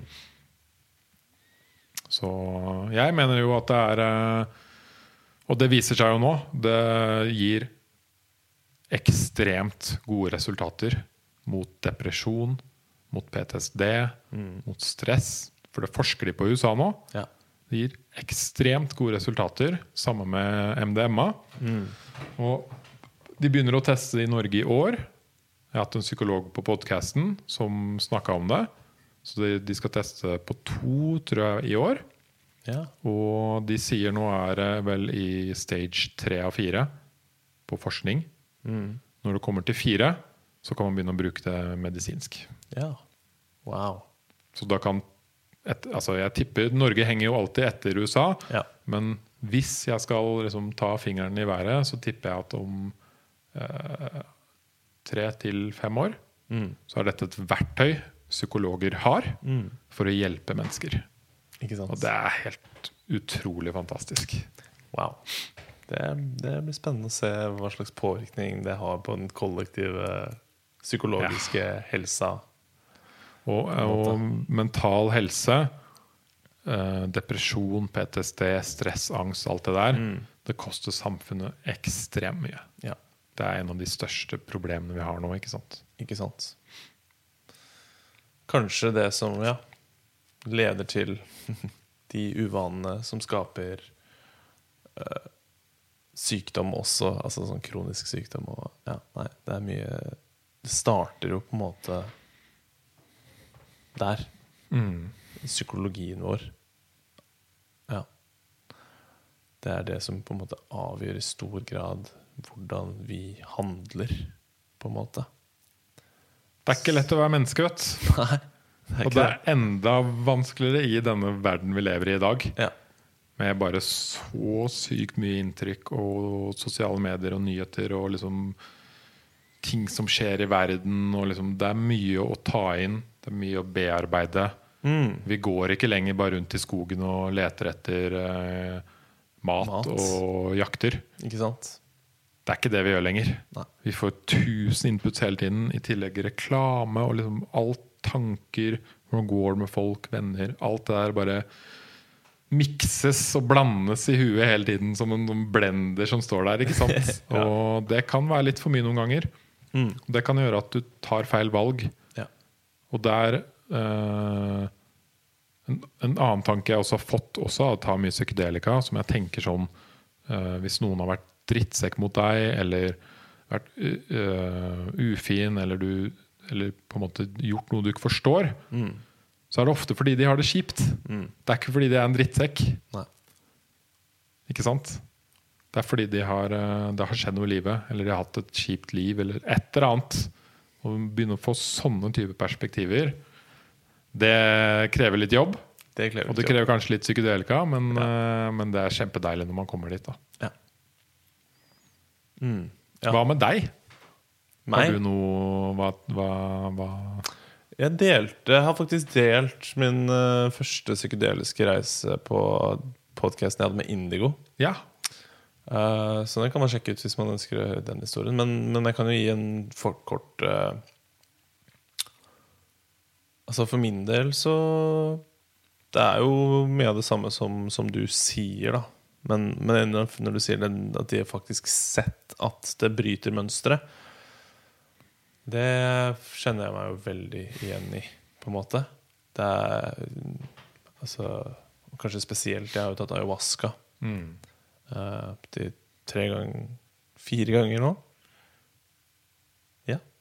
Ehm, og det, det kan du nesten føle under selve seremonien. At det er noe som nesten bare skrur om på ting inni deg. liksom At det er noe som om det kommer en, eh, ja, en ånd eller et eller annet og embodies you. Eh, Kroppsliggjør deg. Jeg vet ikke om det blir riktig oversatt, men uh, eh, possesser deg, på en måte. Og bare nå skal, vi, nå skal vi rydde opp i litt ting, liksom. Nå er det Disse tingene her don't serve you no more. Så jeg skal bare skrive litt om. Um, og jeg liker uh, det bildet som jeg tror Trond uh, Trond Johannessen, som jeg jobber med, som uh, også har vært på podkasten din, Mm. um, ga meg, med at det, hvis du ser for deg alle dine ban, vanemønstre som eh, en, en skibakke med liksom masse skispor, på en måte, eh, som du hele tiden går ned, da. Mm. Ikke sant? Eh, det er veldig sånn satt, satte stier eh, for dine handlingsmønstre. Ikke sant? Og det er jo sånn man ser i hjernen nå. Ikke sant? Når du lager deg et mønster, så er jo det en bane som, som på en måte rent sånn fysisk blir lagd. Men at uh, en, en god psykedelisk reise kan på en måte uh, gi et snøfall, eller at uh, Snøfall over disse, disse banene, da. Mm. Og gir deg på en måte en litt sånn Litt muligheten til å Til å Ja, kjøre dem på nytt. Lage nye, nye stier. Ja. Um, så Ja, jeg husker den forrige seremonien så var det snakk om at nå er vi på en måte på toppen av fjellet. Og, men nå, nå skal vi kjøre ned igjen, på en måte. Ja, ja. Og nå kommer det arbeidet, hvor disse mønstrene skal integreres inn i uh, livet, inn i hverdagen. For det er jo også det, som du sier, er egentlig det, ja, det, det store arbeidet. Når du har kommet til visse erkjennelser, uh, og nå er nødt til å liksom virkelig jobbe med å implementere disse nye mønstrene. Mm. Men, uh, men det har jo vært eh, for min del en av de store skiftene i livet mitt. på en måte Det første gang jeg prøvde psykedelika. Hvor jeg ehm, Ja, vi kan runde av Nei, jeg bare måtte sjekke. Ja. Ja. um, hvor um, jeg følte at Det er som når vi går eh, gjennom livet, i hvert fall i den tiden vi lever i, så Vi programmeres fra vi er eh, inni moren til moren vår. Eh, så disse mønstrene som jeg snakket om, da. Det er vanemønstre som, hele, altså, som starter fra man fra det er liv. Ikke sant? Hjernen din utvikler seg, og hjernen din prøver hele tiden å tilpasse seg, ikke sant? Og, og for å overleve.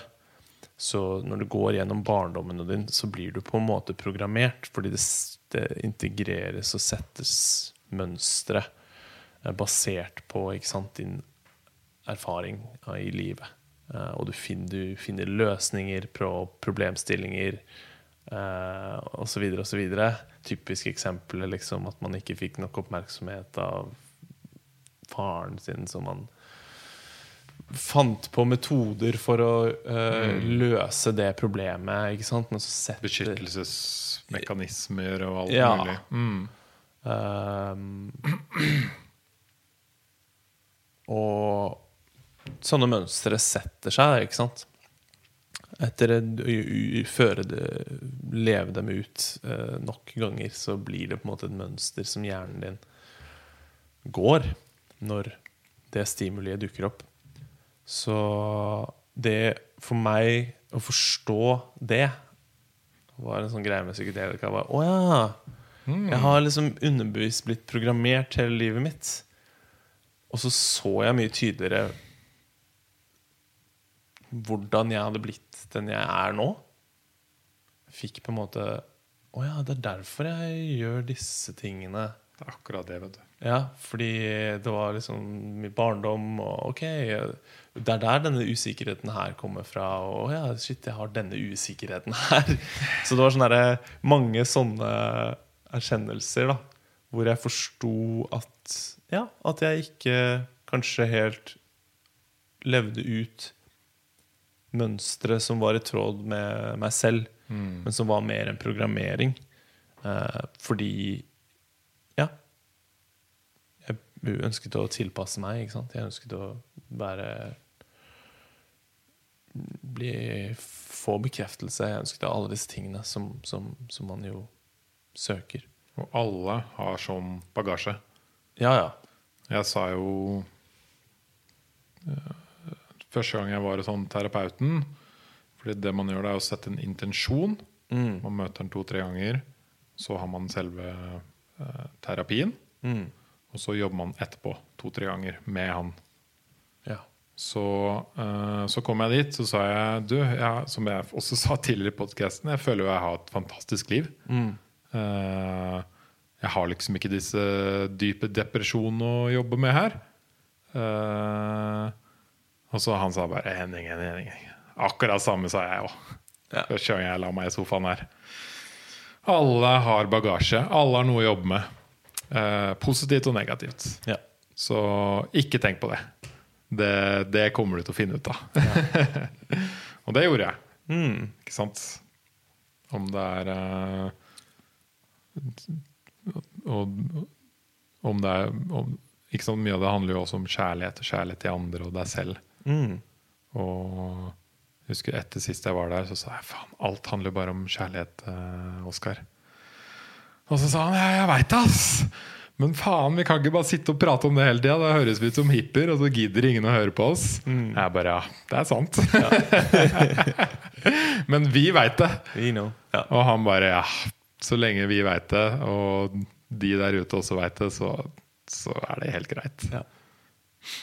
Men eh, man skal ha stor respekt for det. Mm. Man må gjøre seg opp en egen forskning og mening rundt det. Ikke sant? ja.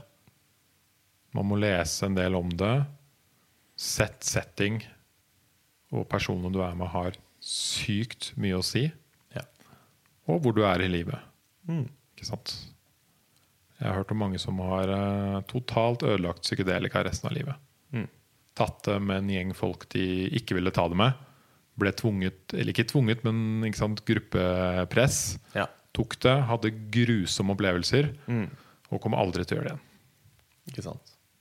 Så det er ikke noe man kødder med.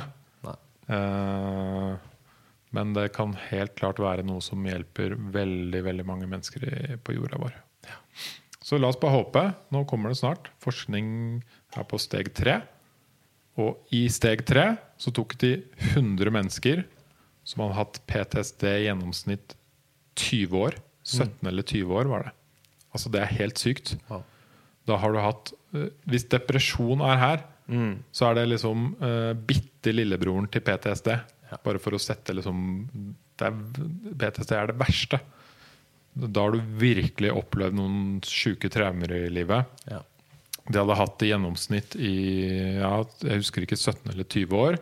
Ingenting funker. De har prøvd alt. Da mener jeg alt. Piller, psykologer, teknikker, alt mulig. Mm. Og så tar de psykedelika én gang.